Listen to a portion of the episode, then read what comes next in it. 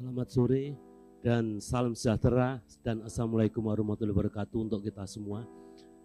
uh, terima kasih atas kesempatan yang diberikan pada saya untuk memoderatori acara ini. Uh, kalau biasanya kita bicara seminar, hari ini kita akan melakukan gelar bicara Graduate School of Business Unikat Mazaya dengan topik risiko resesi global, bagaimana dampak dan mitigasinya bagi perekonomian Indonesia. Ada tiga narasumber yang akan menjadi pembicara. Uh, tiga pembicara hari ini, Pak Prasyantoko, Rektor Unikat Majaya, dan sekaligus juga uh, dosen di program studi Magister Ekonomi Terapan yang konsentrasinya mencemari keuangan akan membahas mengenai financial crisis and disruption. Kemudian selanjutnya dari uh, eh, OJK yaitu Bapak Inka B. Sebagai Direktur Departemen Pengembangan Kebijakan Strategis OJK akan membahas mengenai arah pengembangan manajemen risiko sektor OJK menghadapi risiko-risiko keuangan global. Kemudian nanti pelaku bisnis Pak, monggo Pak Enrico uh, akan Pak Enrico Tanuwijaya ekonomis senior Vice President Global Economic and Market Research PT Bank UAB Indonesia akan membahas mengenai antisipasi sektor perbankan menghadapi risiko global. Tidak banyak waktu yang kita berikan pada para pembicara. Eh, kesempatan pertama saya berikan pada Pak Toko selama 10 menit Pak bicara mengenai finance crisis and disruption. Kemudian eh, Pak Inka 20 menit dan Pak Enrico 20 menit. Silakan Pak. Baik, terima kasih Pak Hartoko, Bapak Ibu sekalian. Eh, terima kasih atas kehadirannya. Ada dua hal yang saya ingin sampaikan sebelum saya masuk kepada materi. Yang pertama adalah acara ini meskipun dihadiri oleh hanya sedikit eh, peserta, tetapi pada dasarnya acara ini itu go streaming. Jadi bisa dinikmati eh, secara digital, tentu saja nanti akan tersimpan dalam kanal YouTube dan bisa dilihat kapan pun materi diskusi kita pada hari ini dan terima kasih kepada Geo Live yang menjadi partners kita membuat acara ini menjadi Go Live, Go Digital, Go Streaming. Yang kedua, uh, ini adalah kick off bahwa nanti ke depan akan ada series, ada talk series, ada uh, seri-seri pembicaraan yang dikelola oleh Graduate School of Business dan untuk kesempatan kali ini pertama ini juga kita akan luncurkan micro learning yang adalah sebuah aplikasi cara belajar yang sifatnya adalah bersumber dari sumber-sumber digital. Nah, eh, acara ini sendiri selain go live, go streaming juga nanti akan dibikin podcast sehingga bisa dinikmati terus oleh uh, siapa pun yang ingin belajar dan nanti bisa dikelola uh, menjadi sumber belajar untuk kita semua. Nah, apa yang akan saya sampaikan adalah sebetulnya materi yang ada dalam uh, apa namanya materi go apa namanya micro learning itu uh, tema kuliahnya, kuliah online ini adalah Financial Crisis and Disruption. Jadi saya memberikan kerangka berpikir sebetulnya tentang bagaimana memahami dinamika ekonomi, resesi, uh, krisis dan sebagainya yang nanti akan lebih banyak dibahas oleh narasumber dan Pak Inka dan Pak Enrico. Tetapi saya memberikan framework bahwa yang pertama yang namanya uh, financial crisis atau dinamika bisnis atau kerangka teorinya itu business cycle itu sesuatu yang permanen sebetulnya, sesuatu yang alamiah. Bahwa ekonomi itu naik dan turun gitu. Nah, menjadi soal adalah ketika penurunan itu terlalu tajam dan memberi implikasi yang negatif bagi bagi ekonomi itu yang perlu diantisipasi, perlu dikelola, perlu dikenali dan sebagainya. Nah, itu satu tema pertama yang ingin saya sampaikan dalam uh, micro learning. Modulnya sudah bisa dinikmati setelah ini gitu ya. Yang kedua adalah bahwa dalam cycle bisnis yang turun itu biasanya terjadi inovasi-inovasi tertentu. Kalau kita lihat hari ini itu uh, penggunaan teknologi itu menjadi sangat intensif, ada industri 4.0 dan sebagainya. Itu kalau kita lihat, kita perhatikan itu munculnya adalah setelah krisis 2007-2008. Jadi tulisan pertama kali oleh orang yang namanya Satoshi Nakamoto itu tentang uh, Bitcoin itu muncul di bulan September 2008 yang pada waktu itu menyitir uh, karena krisis karena ketidakpercayaan uh, orang terhadap intermediasi perbankan dan sebagainya lah muncullah Bitcoin. Nah, ini saya coba jelaskan juga kerangkanya apa sih sebenarnya esensi dari industri 4.0 dan ekosistem yang ada di situ ya. Salah satunya adalah platform revolution ya, revolusi platform itu pentingnya di mana dan implikasinya bagi bisnis seperti apa. Dan tema ketiga adalah bagaimana peranan blockchain dan cryptocurrency dalam ekonomi ke depan. Jadi inilah tiga tema yang uh, saya tawarkan untuk nanti dibahas dan dikupas dalam talk series berikutnya. Dan talk series itu bisa dikumpulkan menjadi sumber belajar bagi kita semua, kita kelola nanti dalam bentuk digital. Nah, secara lebih khusus terkait dengan tema yang hari ini kita mau bahas soal bagaimana kita mengantisipasi risiko krisis di 2020 yang banyak pengamat, banyak tulisan itu mulai melihat ada gejala. Jadi sebetulnya yang namanya resiko itu tetap resiko. Artinya belum pasti terjadi. Kalau ditanya apakah terjadi uh, resesi 2020 pasti terjadi, jawabannya pasti tidak tahu gitu karena itu resiko. Uh, yang namanya resiko itu pasti tidak tidak tidak pasti gitu. Uh, nah, tetapi yang perlu dilakukan adalah kalau resiko itu meningkat, maka persiapan-persiapan dan antisipasi-antisipasi kita juga harus kita tingkatkan gitu. Karena profil resikonya meningkat gitu. Nah, saya mendefinisikan ada tiga hal yang kalau resesi ekonomi global 2020 itu terjadi, itu akan punya dampak pada kita. Yang pertama adalah tentu saja dampak langsungnya itu adalah yang disebut sebagai spillover effect. Jadi efek yang muncul e, seketika masuknya lewat financial channels, biasanya lalu terjadi uh, depresiasi nilai tukar, kemudian capital outflow dan sebagainya itu adalah spillover effect kalau terjadi gejolak di uh, secara global. Itu yang pertama. Itu harus dimitigasi dan harus diantisipasi. Lalu apa yang harus dilakukan ketika itu terjadi gitu. Tentu saja instrumen kebijakan yang siap untuk mengantisipasi itu adalah suku bunga karena kalau ada pelarian modal, ada depresiasi nilai tukar, suku bunga dimainkan lagi, dinaikkan lagi gitu. Sekarang ini trennya turun gitu. Nah, yang berikutnya adalah dampak kalau terjadi resesi itu pasti permintaan global turun, harga komoditas turun, itu memberikan efek atau pukulan yang sifatnya cyclical. Jadi cyclical effect itu biasanya ekspor kita akan turun, melemah dan sekarang sudah terjadi sehingga diperlukan dan penerimaan pajak kita menurun, penurun dan sebagainya sehingga yang diperlukan memang instrumennya adalah instrumen fiskal gitu, relaksasi terhadap e, beberapa aktivitas yang berorientasi ekspor, lalu memitigasi impor supaya tidak terlalu tinggi dan sebagainya, itu uh, arah yang bisa dilakukan. Nah, dampak yang ketiga adalah dampak yang sifatnya itu struktural. Jadi kalau ada perlambatan ekonomi global, kita juga akan berpotensi terseret uh, perlambatan itu dengan berkurangnya investasi yang masuk dalam jangka panjang, FDI kita uh, menurun dan juga prospek ekspor kita ke depan itu menurun. Nah, ini adalah sebuah resiko yang kita mesti antisipasi dan perlu lihat dan apa kebijakan-kebijakan kalau itu uh, efeknya adalah efek struktural, tentu saja kebijakannya juga kebijakan struktural, meningkatkan produktivitas, daya saing, kompetensi SDM dan sebagainya yang sekarang ini menjadi concern pemerintah. Jadi Bapak Ibu sekalian, saya akan memberikan framework itu saja bahwa resesi uh, global 2020 adalah sebuah potensi resiko yang profilnya meningkat akhir-akhir ini dan PR kita adalah sebagai bangsa ini menyiapkan diri kalau resiko itu betul-betul terjadi sehingga kesiapan kita juga harus kita dorong naik sehingga uh, kita lebih siap kalau itu terjadi. Dan uh, dinamikanya seperti apa nanti akan kita diskusikan dan tentu saja bagaimana uh, potensi kita mengadopsi teknologi untuk mengantisipasi ini semua nanti kita bisa diskusikan di kesempatan yang lain lagi. Terima kasih. Oke, kesempatan kedua kita berikan pada Pak Inka. Uh, Pak Inka akan bicara mengenai arah pengembangan manajemen risiko sektor OJK menghadapi risiko-risiko keuangan global mungkin ini yang banyak mungkin dari aturan-aturan pemerintah mengantisipasi untuk memitigasi itu Pak mungkin. Silahkan Pak. Terima kasih Pak Hardoko, Pak Rektor, Pak Dekan, Fakultas Ekonomi dan Bisnis, para sivitas akademika Universitas Katolik Indonesia, Jaya. Selamat siang, salam sejahtera bagi semua. Pertama-tama saya ingin mengucapkan terima kasih atas undangannya di acara ini. Kalau saya berpikir acara ini adalah acara uh, temu wicara ya. Uh, jadi mungkin lebih banyak nanti kita diskusi bahas Q&A dibanding mungkin uh, saya bicara selama 20 menit ya di di uh, sesi saya ini.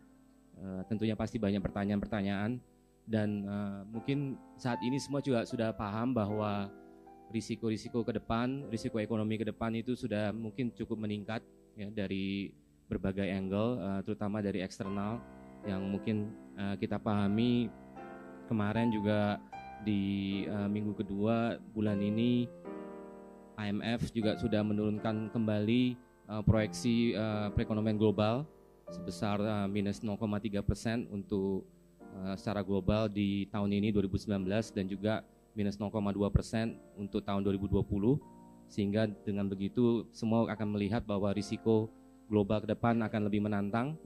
Kita sudah uh, apa mengetahui semua dari minggu lalu siapa saja menteri-menteri khususnya di portofolio ekonomi ya di Indonesia. Namun jika kita refleksi atau kita kembali ke belakang dua minggu yang lalu, siapa pun yang akan menjadi menteri itu semua sama aja akan menghadapi tantangan yang sama ya di negara ini. Jadi ke depan adalah bagaimana kita uh, semua pelaku industri maupun juga otoritas uh, pemerintah bisa mempertahankan uh, pertumbuhan yang ada saat ini uh, yaitu sekitar 5% ya ataupun juga kita genjot untuk bisa lebih tinggi lagi. Yang kita pahami bahwa sejak lima tahun terakhir uh, mungkin relatif pertumbuhan kita sedikit stagnan, tapi tentunya kita juga bisa melihat bahwa itu mungkin adalah yang terbaik dibanding jika kita mendapatkan pertumbuhan yang lebih kecil ya. jadi mungkin ini ibaratnya kalau kita melihat uh, satu gelas setengah penuh atau setengah uh, empty ya. Jadi kita kita coba kita yang lebih optimis ke depan bahwa kita bisa lebih baik dari yang sekarang ini ya. Nah dari uh, risiko-risiko global memang kita melihat semua uh, memang menurun. Uh, kita mungkin bisa uh, apa melihat dari tentunya negara yang memiliki ekonomi terbesar di dunia yaitu Amerika ya Uh, ini sebenarnya saya ada bahan sekitar 40 halaman. Ini kebanyakan lebih data-data. Saya lebih suka bicara dengan data ya. Tapi nanti uh, kita lihat saja apa kalau ada referensi yang kita butuhkan kita bisa ke sini ya. Saya juga senang juga ini ada pelaku juga Pak Enrico yang bisa mungkin secara langsung um, bisa sharing juga nanti uh, apa apa yang bisa dirasakan di di industri ya. Soalnya mungkin ada juga kadangkala kami di otoritas juga mungkin kurang uh, merasa juga apa yang dirasakan oleh pelaku uh, perbankan di di industri. Jadi kalau di Amerika kita ngelihat pertanyaannya sekarang apakah uh, Amerika akan masuk ke jurang resesi tahun ini, tahun depan, dua tahun lagi. Nah, ini uh, tentunya besok dan lusa uh, Federal Open Market Committee, yaitu komite di dalam uh, Federal Reserve uh, yang yang memutuskan untuk menurunkan, mentapkan uh, atau meningkatkan suku bunga acuannya yaitu Federal Funds Rate itu uh, akan bertemu dan akan memutuskan apakah kembali menurunkan atau tidak. Nah, um, memang banyak uh, dari pasar yang ekspektasinya akan menurunkan kembali uh, dari 1,75 ke 2 persen menjadi mungkin sekitar 25 basis point turun menjadi 1,5 tapi nanti kita lihat besok dan lusa. Tapi gimana pun juga kalau kita melihat dari uh, dot plot uh, Federal Reserve untuk ke depan memang akan terjadi satu kali lagi penurunan tahun ini dan satu kali lagi penurunan tahun depan. Dan di situ bisa disimpulkan bahwa memang ekonomi Amerika cenderung sedang melambat ya. Tapi tentunya mereka juga akan melihat indikator-indikator uh, makro yang ada. Dan uh, saya kira untuk ke depan tentunya Presiden Amerika pun akan menjaga uh, memberikan uh, stimulus fiskal yang uh, cukup. Karena dilihat bahwa jika tahun depan akan ada pemilihan uh, Presiden Amerika dalam sejarah jika setahun terakhir sebelum pemilihan itu uh, negara Amerika masuk ke resesi presiden tersebut tidak akan terpilih kembali jadi dia akan mempertahankan berjuang uh, dengan segala cara untuk mempertahankan ekonominya ya. Uh, sama juga halnya juga dari Federal Reserve yang akan mungkin menurunkan suku bunganya jika indikator-indikatornya berubah cukup drastis ke pemburukan. Jadi ini adalah sisi kebijakan moneter dan juga kebijakan fiskal yang akan dilakukan oleh para otoritas di Amerika untuk menjaga resesi. Namun demikian kalau kita lihat di halaman 10 ya, ini kita lihat bahwa probabilitas untuk resesi Amerika dalam 12 bulan ke depan itu masih relatif kecil dibanding uh, apa yang sudah terjadi di tahun 2001 dan 2007-2008 di global financial crisis ya. Uh, di situ uh, kita melihat bahwa uh, apa probabilitas untuk masuk ke jurang resesi masih sangat kecil. Salah satu alasannya juga adalah karena uh, selama ini pemulihan negara Amerika itu ekonomi Amerika itu cenderung tidak terlalu tinggi dibanding pemulihan setelah krisis uh, sebelumnya sehingga mungkin bisa diekspektasi bahwa pembalikan menuju ke uh, resesi mungkin akan berlangsung agak lebih lama. Kedua juga kemungkinan juga ada struktur yang uh, berubah di negara Amerika di mana uh, pertumbuhan ekonomi jangka panjang di Amerika itu sudah menurun. Mungkin yang dulu dikatakan kalau batas threshold 2% untuk PDB Amerika itu adalah menentukan akan masuk ke jurang resesi atau tidak. Sekarang mungkin batas threshold itu sudah mulai menurun di sekitar mungkin 1,5 1,75 persen. Di mana jadi kalau misalkan uh, di masih di sekitar situ tandanya mungkin ekonomi Amerika masih bisa uh, bertahan ya. Jadi uh, ke depan kita akan lihat uh, namun dibanding dengan negara-negara Eropa ekonomi Eropa sudah cenderung lebih uh, menurun dibanding Amerika dan sini terbukti dengan kebijakan-kebijakan uh, suku bunga yang sudah di sebagian negara sudah menjadi negatif ya. Uh, jadi saat ini kalau di Amerika mungkin senjata untuk uh, memberikan uh, stimulus moneter masih cukup lebih banyak dibanding di negara-negara Eropa ya. Di kalau kita terbang ke Asia, di negara Tiongkok pun juga sedang mengalami penurunan. Kalau nggak tidak salah ini PDB Tiongkok merupakan yang terendah sejak mungkin pencatatan PDB itu sendiri ya di tahun 90 awal.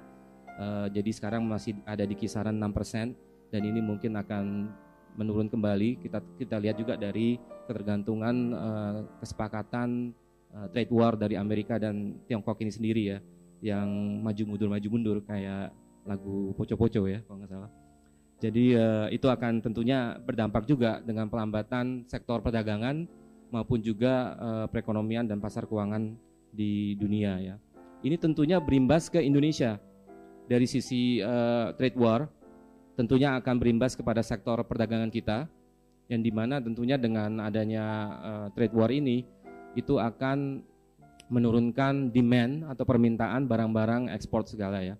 Namun di sisi lain juga bisa memberikan peluang peluang di mana uh, barang-barang ekspor kita bisa uh, menggantikan barang-barang ekspor yang uh, uh, dari Tiongkok kepada ke Amerika ya. Jadi itu sebenarnya salah satu uh, peluang yang bisa dilakukan di Indonesia uh, dari sisi kebijakan perdagangan ya untuk mencoba meningkatkan produk-produk unggul dari Indonesia ke luar negeri ya. Mungkin kalau dilihat uh, bulan lalu ada ada informasi berita bahwa pabrik-pabrik uh, di Tiongkok tidak ada yang masuk ke Indonesia, tapi ternyata ke negara tetangga Vietnam ya Uh, itu mungkin salah satu PR besar bagi kabinet baru ini, pemerintahan saat ini, bagaimana membuat uh, industri kita lebih berdaya saing. Sebenarnya salah satunya adalah mungkin dengan uh, pajak korporasi yang mungkin bisa diturunkan. Itu saya rasa mungkin itu salah satu uh, kunci utama ya untuk bisa dilakukan segera agar kita uh, pajak kooperasi kita juga bisa bersaing dengan pajak kooperasinya di Vietnam yang mungkin sekitar 20% ya. Selain itu tentunya kita juga ingin membuka mencari lahan baru atau sumber-sumber pertumbuhan baru di ekonomi kita atau kita sebutnya mungkin uh, new uh, growth drivers ya.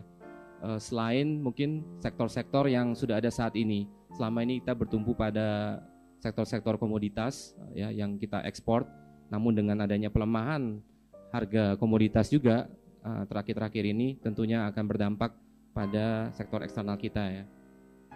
Nanti di ujung saya akan uh, memberi mungkin satu opsi sumber uh, growth driver tersebut untuk di Indonesia.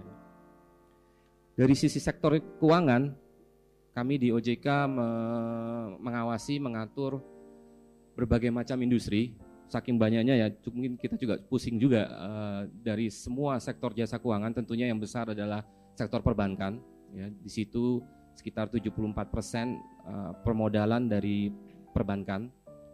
Di luar itu ada juga industri asuransi yang kita awasi kita atur juga dari sektor asuransi ada juga sektor multi finance pembiayaan uh, di multi finance sekitar 90% itu untuk uh, pembiayaan uh, motor dan mobil, selebihnya untuk leasing, credit card dan mungkin infrastruktur ya. Terus ada juga sektor dana pensiun. Selain dana pensiun ada juga modal ventura yang mungkin dalam beberapa tahun ini cukup menggeliat karena adanya startup. Jadi uh, semakin banyak kegiatan di uh, industri modal ventura. Terus ada juga uh, industri baru yang bernama uh, fintech peer-to-peer lending. Tadi uh, Pak Rektor sudah bilang bahwa ini dengan adanya digital teknologi semakin marak uh, startup di khususnya di bidang fintech. Jadi kalau kami di OJK mengawasi mengatur uh, fintech di luar payment sistem ya. Kalau fintech payment itu berada di Bank Indonesia, sedangkan di luar itu adalah dalam pengawasan pengaturan OJK.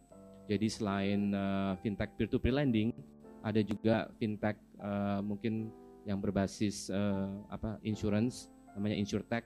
Ada juga yang sebagai agregator, uh, ada juga mungkin uh, sebagai apa ya uh, penunjang untuk kegiatan-kegiatan fintech lainnya seperti digital signature uh, dan sebagai KYC, eKYC dan sebagainya itu masuk ke uh, ranah OJK juga. Jadi uh, industri cukup banyak. Tambah lagi ada baru lagi yang namanya equity crowdfunding. Jadi kalau crowdfunding itu ada tiga macam, ada equity crowdfunding, loan crowdfunding, yaitu peer-to-peer lending, ada juga social crowdfunding kalau itu di luar ranah kita. Nah, equity crowdfunding ini kita peraturannya juga baru keluar uh, akhir tahun lalu, 31 Desember 2018. Itu tujuannya untuk juga uh, crowdfunding untuk masuk ke dalam investor investor-investor masuk ke dalam saham uh, startup tersebut ya. Jadi tujuannya ini juga untuk mendiversifikasi dengan catatan uh, tidak melebihi jumlah investor sebesar 300. Kalau lebih dari 300 kita masuk ke undang-undang pasar modal. Ya. Uh, selain itu juga maksimum pendanaan juga 10 miliar dan bisa di, uh, uh, di dibuka untuk untuk fundraising selama satu tahun. Ya. Uh, LKM lembaga keuangan mikro itu pun juga menjadi ranah OJK. Uh, saat ini sudah cukup banyak, uh, mungkin ribuan jumlahnya. Eh, dan salah satu bentuk dari Alkami itu ada yang disebut juga namanya bank wakaf mikro. Itu khusus untuk di pesantren-pesantren ya. Tahun ini target kita untuk uh, meningkatkan jumlahnya menjadi 100 BWM ya, bank wakaf mikro. Uh, dari sini semua dengan adanya risiko global yang uh, kita hadapi ke depan, kita tentunya di OJK mencoba memonitor uh, berbagai macam indikator untuk masing-masing industri tersebut khusus untuk perbankan karena merupakan industri yang terbesar ya. Karena kita juga melihat perbankan itu ibaratnya sebagai nadi dari uh, ekonomi kita. Itu kita melihat dari berbagai risiko yang ada. Mungkin uh, di sini sudah paham ada delapan risiko yang uh, kita selalu monitor ya untuk industri perbankan dan tentunya beberapa risiko yang cukup penting untuk dilihat adalah risiko kredit dan risiko likuiditas ya. Kalau risiko kredit kita bisa melihat dengan indikator MPL non performing loan dan saat ini memang uh, eh, non performing loan cenderung memang cenderung uh, meningkat walaupun masih dalam batas normal ya. Batas uh, threshold regulasi kita 5%. Jadi saat ini masih di bawah itu. Uh, tentunya kita akan terus monitor. Uh, dari situ juga ada juga indikasi dari undisbursed loan dari perbankan yang juga masih cukup tinggi dan di situ adalah e, menyimpulkan bahwa memang permintaan demand untuk kredit itu belum besar. Jadi mungkin permasalahan di negara ini saat ini adalah lebih dari demand side bukan supply side ya. Demand side dalam arti ya mungkin eh, perusahaan-perusahaan masih antara wait and wait and see uh, dari sisi kondisi yang ada saat ini atau memang menahan diri untuk uh, berekspansi atau berinvestasi sampai kondisi membaik ya. Itu dari dari perbankan. Uh, kita juga monitor juga likuiditas uh, lewat berbagai indikator. Ada uh, indikator ALNCD dari apa alat-alat liquid uh, perbankan dibagi dengan uh, non core deposit dan juga uh, dari dari loan to deposit ratio juga bisa kita lihat juga uh, semakin uh, rendah, semakin tinggi ini uh, likuiditasnya. Dari sisi asuransi kita juga melihat juga uh, apa indikator dari uh, RBC-nya, risk based capitalnya saat ini masih jauh di atas, jadi masih cukup uh, uh, baik dan kuat untuk menghadapi risiko-risiko ke depan. Memang mungkin ada satu dua perusahaan yang uh, cenderung uh, tidak uh, bagus dari sisi indikatornya, tapi itu uh, mungkin bagian dari kecil dari seluruh industri. Uh, perusahaan pembiayaan kita juga melihat indikatornya dari gearing ratio. Gearing ratio itu adalah semacam uh, apa MPL berapa kali perusahaan bisa leverage atau mendapatkan utang dari asetnya dan threshold kami itu ada 10 kali. Saat ini masih di bawah tiga kali jadi masih cukup baik ya. uh, tadi ada pembiayaan dan uh, Dapen juga kami lihat juga. Dari pasar modal tentunya kami melihat dari dua pasar. Pasar modal itu ada pasar saham dan pasar uh, pasar utang dari pasar saham tentunya kita melihat monitor IHSG uh, saat ini IHSG masih cenderung volatile tapi juga dalam trennya meningkat ya. Kedua dari pasar utang kami melihat juga uh, imbal hasil atau yield dari obligasi itu masih cukup atraktif. Mungkin kalau dilihat di halaman uh, berapa ini Indonesia masih top 5 ya di dunia ya untuk imbal hasilnya ini ada plus minusnya nih. Plusnya bahwa itu masih atraktif, halaman 27 ya. Masih atraktif untuk investor-investor asing. Ya, untuk investor asing uh, masuk uh, ke uh, invest berinvestasi di di SBN kita ya.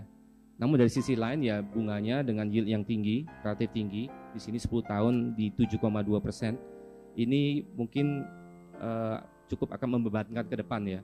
Jadi ini akan kita lihat uh, cenderung trennya untuk SBN ini menurun uh, yieldnya seiring juga dengan uh, penurunan uh, suku bunga acuan BI ya.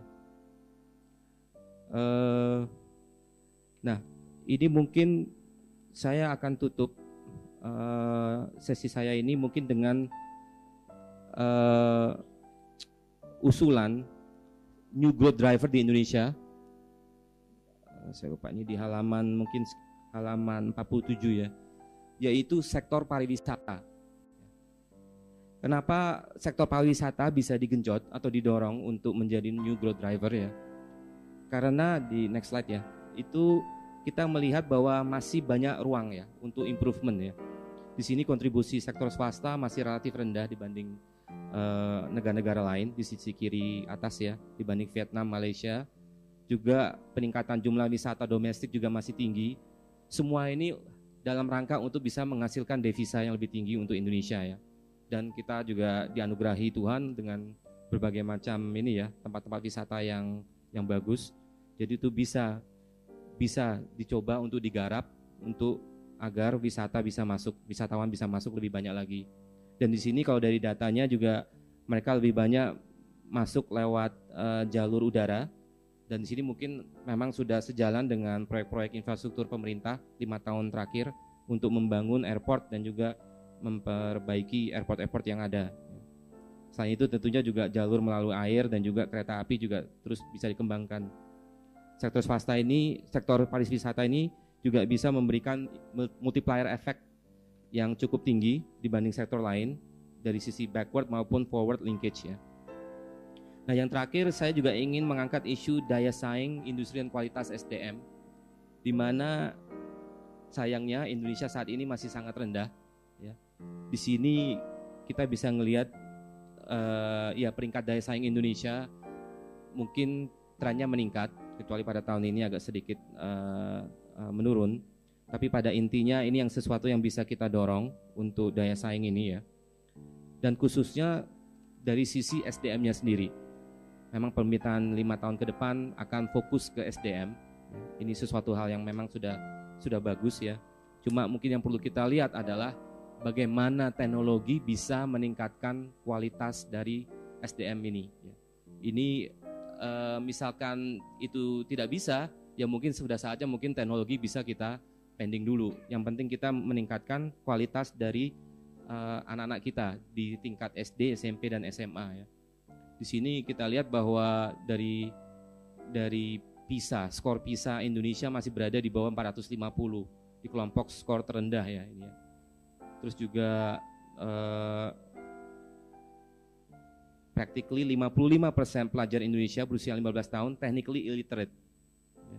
Jadi ini uh, skill matematika, membaca dan sains itu harus perlu ditingkatkan ya. Ditambah lagi tentunya dengan permasalahan stunting di negara kita yang 36% balita di bawah 5 tahun masih mengalami stunting. Jadi sebenarnya hal-hal di luar ekonomi ya, pembangunan manusia itu penting untuk mungkin uh, pertumbuhan jangka panjang ke Indonesia dan juga meningkatkan kelas kita ke higher uh, upper middle income country. Mungkin dari saya itu dulu Pak Hartoko, nanti saya akan uh, apa uh, diskusi lebih banyak lagi dari uh, sesi tanya jawab. Sekian. Ini yang menurut saya juga harusnya menarik banget ini Pak, karena dari sisi uh, pelaku bisnis menyikapi uh, dampak risiko global dan ketidakpastian global ini. Moga silakan Pak Enrico. Oke, uh, terima kasih. Mungkin uh, saya di sini kerjanya paling enteng ya karena sudah di set up sama Mas Pras begitu Pak Inka udah jelasin jadi saya langsung aja mungkin kalau bisa di view full screen gitu biar uh, meskipun di sini semuanya milenial gitu masih tajam matanya tapi biar lebih jelas aja gitu uh, di view full screen bisa ya nah tuh full screen mode ini yang operate milenial kan nah harusnya oke okay. tuh full screen mode tuh, tuh di kiri mas nah, nah view nah itu bawah full screen mode. Nah, oke, okay, next. Jadi tadi yang Mas Pras bilang sebenarnya gambarannya seperti ini. Jadi ada dampak untuk real, ada finansial. Kalau real tadi sudah jelas GDP dunia dipangkas, dampaknya ke Indonesia tentunya fiskalnya revenue slowdown, udah gitu secara real sektor investment kita pun harus sedikit direm. Nah, tapi nanti dampaknya dari capital flow itu akan kena di eksternal sektor kita yang unfortunately sekarang Indonesia itu punya yang namanya problem current account deficit. Nah itu penting. Nah itu sebenarnya bisa direformasi. Nanti kita coba lihat bagaimana sebenarnya yang uh, simpel-simpel aja tapi itu cukup mendalam. Nah nanti kita akan bahas sebenarnya lebih ke arah likuiditas perbankan dan juga kenapa di Indonesia likuiditasnya agak sedikit challenging. Nah tapi sebelum itu saya harus memberikan opini apakah resesi itu sepertinya akan terjadi atau ini slow down. Sebenarnya buat saya itu semantik aja. Cuma mainan kata-kata, biasalah. Kalau ekonom biar keren, oh slow down, enggak enggak. Resesi biar kelihatannya lebih keren. Padahal itu sami mawon gitu ya. Coba kalau kita lihat next slide. Nah ini teman-teman bisa lihat ada reason to worry, ada reason not to worry. Di Amerika, pertanyaan saya simpel aja. Ya, saya, saya boleh langsung throw question ya.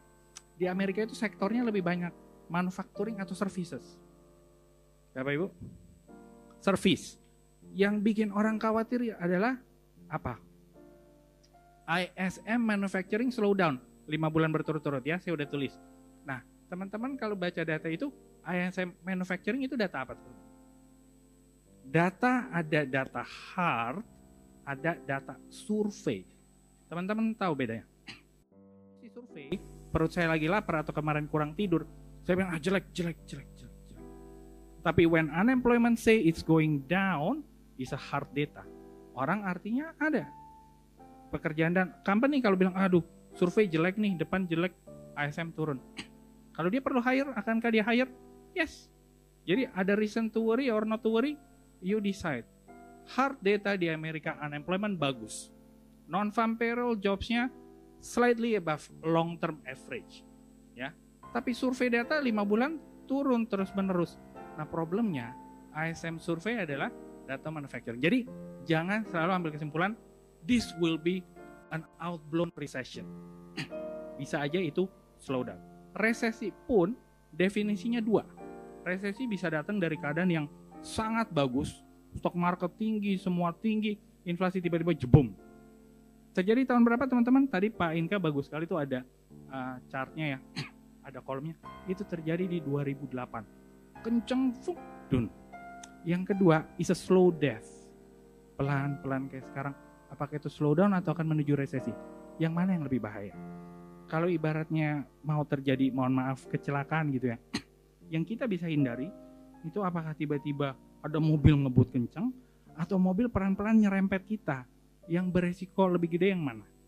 Ya, menurut saya jawabannya udah udah jelas. Jadi kita mesti lihat ada nggak kapasitas dari global policy maker itu untuk mendongkrak mendongkrak growth. Jawabannya tidak sama. Di Eropa berat. Jadi pasti mereka akan masuk resesi.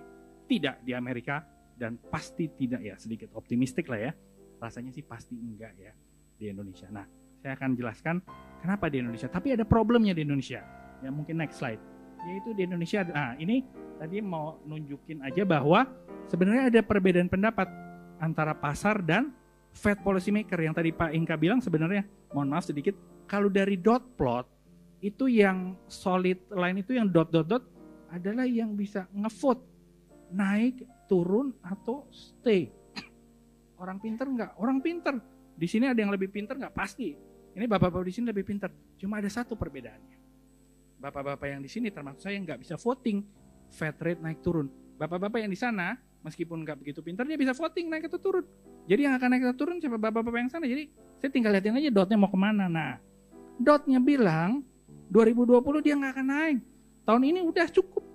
Jadi meeting pekan ini akan sangat penting. Dot-dot kayak gini cuma keluar tiga bulan sekali. So when we do research ya, actually it's the details yang matter.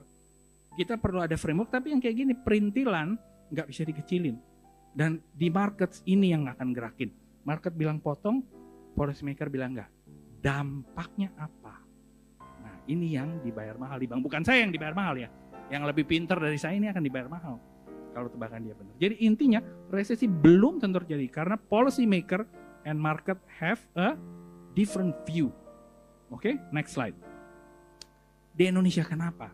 Seharusnya kita tuh bangga kita punya market domestik besar. 54% itu ya di drive oleh private consumption. Tapi problemnya kenapa growth-nya melambat? Ke satu kita lihat apa yang terjadi dari 2017 dari 6,2 persen kok tiba-tiba jatuh ke 5%? Ada yang bisa jawab? Saya sebenarnya bawa souvenir satu tuh. Kalau ada yang bisa jawab, saya kasih. Beneran ini beneran Pak ya, boleh ya? Ada waktunya Mas ya? Ada yang bisa jawab nggak? Tadi udah dijawab sebenarnya sama Mas Inka. Ada yang bisa jawab? Ada yang mau coba jawab? Salah nggak apa-apa, tapi nggak dapat hadiahnya aja. Oh, hadiahnya bagus Pak.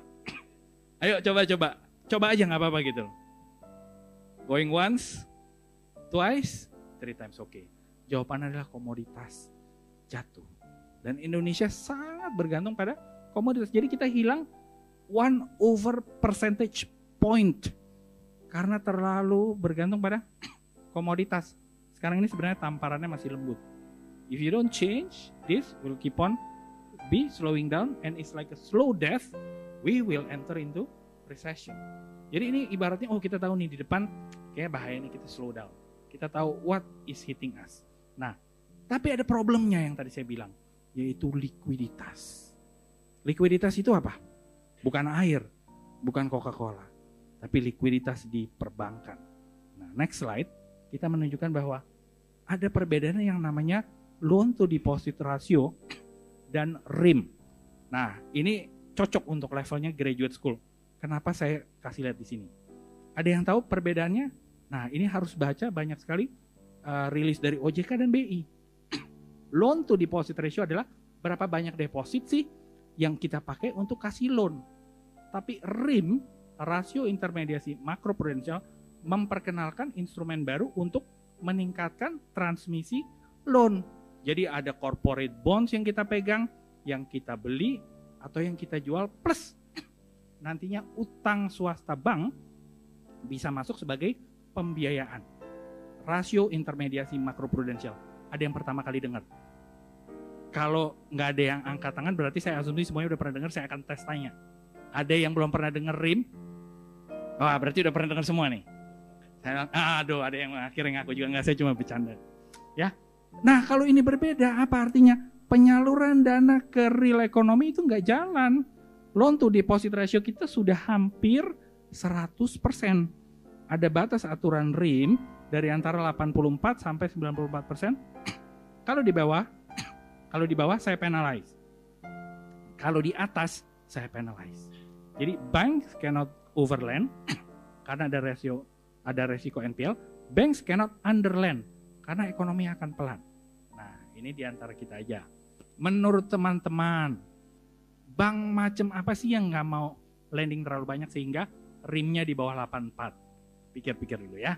Tapi intinya kalau perbedaan ini membuka atau yang dinamakan opening jaw means there is inefficient liquidity channeling ke ekonomi dan growth kita nggak akan bangkit. Jadi bukan saja dari demand side lagi melambat itu sangat betul, tapi dari supply side ya, dari supply side banks juga hesitant atau nggak segampang itu mau kasih lending. Karena kenapa ya tadi outlooknya kurang bagus. Kedua, alasan kedua apa next? Next uh, lagi. Ya ini cuma memperlihatkan betapa terkonsentrasinya loan dan deposit kita ya antara state bank dan non state bank. Tapi yang paling penting itu next slide. Next lagi. Nah ini teman-teman. Ini yang saya namakan the ultimate chart for the banking industry. Di Indonesia problem cuma ada dua. Kesatu, kita punya high import content. Or we are high import content economy. Bahasa Indonesia apa? Kita impor terlalu banyak. Sehingga pada saat ekspor komoditas turun, nggak bisa mendanai impor kita yang tidak turun secara elastis, ya bahasanya mesti agak teori ekonomi nih ya, tidak elastis, ya elastisitasnya di bawah berapa berarti? Ya, pikirin sendiri lah ya. Jadi artinya apa? Kita hit into current account deficit. Pada saat kita hit into current account deficit, rupiah lah yang akan jadi kena korban. Jadi kalau kita lihat, NPL bank itu selalu naik karena dua hal. Either komoditas itu turun harganya, itu terjadi semenjak 2011 atau rupiah melemah sangat-sangat volatile. Yang terjadi di 2014 sampai 2017 adalah the death cross. Dua-duanya terjadi sehingga OJK meremove pilar mereka dari tiga menjadi satu. Enggak apa-apa, teman-teman nggak ngerti nanti tanya. Maksudnya pilar apa? Karena saya kasih tahu di sini bahwa to understand the whole banking system is extremely complicated but extremely rewarding. Problemnya di sini di banking sector kita. Sehingga pada saat komoditas turun secara supply kita juga takut. Karena kita kebiasaan kasih sektor yang 4L lu lagi lu lagi. Mining bla bla bla. Nanti saya kasih lihat. Ya harus di reform. Gimana reformnya nanti jawabannya? Next ini problem likuiditas di Indonesia jadi ini frameworknya framework yang seorang ekonom pakai analis bank juga pakai sumber ekonomi itu apa sumber ekonomi sumber likuiditas ada lima. Paling tidak di Indonesia. Yang bawah dua itu forget it. Di Indonesia nggak efisien. saya bisa bilang nggak efisien karena saya spend 20 years in Singapore and I know what works there, what's not working here. Not yet. Jadi pasar antar bank not working efficiently. GWM not transmitting efficiently. Jadi kita cuma punya tiga. Apa yang pertama? The creation of money itself tergantung demand. Kedua, foreign capital inflows. Kalau outflows, habislah kita. Ketiga, fiscal instrument. Jadi saya akan fokusin di tiga sektor ini aja, the top three. Dan kita punya problem adalah long term risk dan short term risk. Long term risk, limited funding resources, ya kita harus deepen market. Tadi Pak Engkau udah bilang, uh, emiten kita this year actually is gonna be less than last year. Terus isu dari medium term note dan lain sebagainya menurut saya masih kurang market kita itu kredit to GDP ratio hanya 40 persen. Singapura itu tiga kalinya, 120 persen. Jadi masih banyak PR-nya, pendalaman masih banyak, tapi very rewarding nantinya ya. Short term risk kita apa? Likuiditasnya sebenarnya bukan kering, tapi tidak balance. Ada yang ngantongin likuiditas. Nah, saya nggak mau nuduh karena samping saya OJK dan saya dari bank. Nanti kalau saya dipenalize, habis saya dikirim pulang ya. Tapi likuiditas itu ada, cuma ada yang ngantongin. Jadi bahasa Jawanya uneven. Ya, uneven tahu ya. Nah, itu yang terjadi. Katakanlah nggak apa-apa deh. Itu uneven, terus BI udah buka banyak repo dan sebagainya untuk likuiditas. Tapi tadi chart yang RIM dan LDR menunjukkan bahwa the actual money, the actual likuiditas tidak turun untuk mendanai real economy. Kenapa? Karena kita nggak tahu dari uncertainty seperti ini, sektor apa aja sih yang sebenarnya kita harus targetin? Jawabannya simple tapi easier said than done. Domestic market. Ya, next slide. Ya, ini oke okay, secara fiskal kita baru lihat kemarin uh, dari Kemenq dia menaikkan re, uh, rasio fiskal defisit dari bawah 2% menjadi 2,2. Artinya mereka akan spend. Spendnya di daerah mana? Di daerah subsidi, uh, sorry, di daerah health, kesehatan dan edukasi. Dia akan juga terus infrastruktur, tapi menurunkan subsidi. Ya, jadi kemungkinan tahun depan area ini akan cukup tersokong oleh likuiditas pemerintah. Nah, sumber kedua ya adalah next slide adalah pendanaan asing, teman-teman sekalian. Asing kalau kita lihat di Indonesia, capital inflow ini begitu kencang sampai Maret 2018. Apa yang terjadi? Yang terjadi itu gampang. Tweet dari ya tahu sendiri lah ya. Ya itulah, tahu lah ya. Om Om DT namanya ya. Yang suka nge-tweet. Nah, langsung dijual pasar kita dan pada saat itu terjual likuiditas langsung ditarik. Jadi the short term problem and the long term problem makin geser, makin jauh. Kalau kita lihat perbandingan, next slide, 2018, uh, ya, bond inflows kita yang warna biru is the worst year. Tadi Mas Inka bilang Indonesia itu yieldnya paling bagus, itu betul. Makanya BI kenapa tahun kemarin dia harus naikin sekian banyak, sekarang dipulangin ke bagian. Tapi kita lihat 2018 is the worst year since the collapse of commodity. Kita punya bond inflow full year hanya 4 billion. Lihat recovery tahun ini, ini data belum updated. Data terupdate yang saya punya 10 billion sampai 18 Oktober. Luar biasa. Equity market demikian. Next slide. Equity market last year keluar 4 billion, tahun ini masuk sudah almost 3 billion. Tentunya karena ada satu pembelian bank juga ya oleh MUFG, jadi ini naikkan likuiditas. Nah, kita bisa bergantung pada hal semacam ini, tapi problemnya apa? Unsustainable. Ya, jadi yang harus di-create sebenarnya apa? Demand dari domestik. Nah, saya mau tutup dengan next slide. Lagi, lagi. Nah, ini yang tadi pendalaman pasar modal ya kita kurang sekali. Rasio-rasio ini menunjukkan bahwa masih banyak market kita itu sangat dangkal atau shallow. Tapi jawabannya dari real demand adalah next slide. Next slide lagi. Ini Bapak Ibu. Yang selalu masuk di Indonesia adalah sektor-sektor ini nih yang blue. Mining lah, transport, metal, electricity, chemical. These are the industry yang punya impor kontennya tinggi. Sedangkan beberapa industri yang sebenarnya domestik sudah galakan seperti food, food crops plantation, ini kurang dapat sokongan. Nah jadi saya mau tutup dengan last, uh, dengan slide terakhir saya. Inilah slide transformasi yang menurut saya, next slide, yang harus dikerjakan. Nah ini adalah input output table teman-teman. Kalau kita olah, it will take hours to do this. Keluarnya cuma titik-titik, warna-warni nggak jelas, tapi ini kalau dibaca oleh policy maker, it's very simple. You have to reduce the red line industry di mana impor konten tinggi tapi jual di lokal, geserlah menjadi kuning atau biru, tapi you have to grow the green industry. Lihat ekspornya tinggi, lokal kontennya tinggi, bisa bawa devisa, tapi share-nya di ekonomi sangat kecil. Ada yang salah dengan polisi menurut saya? Ada. Dia harus mentransformasi dibantu dengan dunia digital. Saya kemarin baru dari Bandung, tahu cara kasih makan ikan sekarang gimana? supaya ikannya bertumbuh banyak. Pakai digital. Tinggal klik petaninya nggak usah keluar tinggal oh jam 6 pagi. Set! Ikannya keluar dari tempat makannya. Drrrt, dan porsinya pas. Nggak lebih nggak kurang. Luar biasa.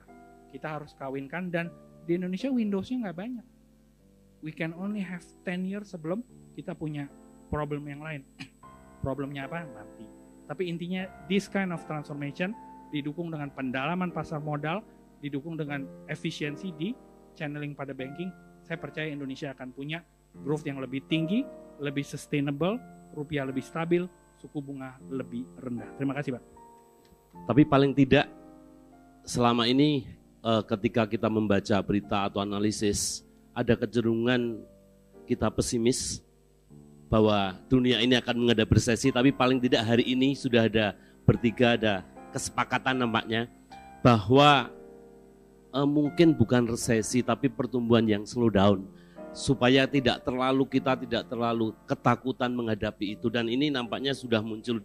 Ini berbeda diskusi kita dengan diskusi yang di luar. Karena kita ternyata menyimpulkan sesuatu yang baru. Tetapi yang lebih penting dari itu adalah eh, bagaimana kita menyikapi baik dalam jangka pendek maupun jangka panjang. Tadi juga sudah diungkapkan oleh Pak Prasantoko, Pak Inka maupun Pak Enrico, terutama Pak, In, Pak Enrico terutama ketika kita bicara di banking sektor.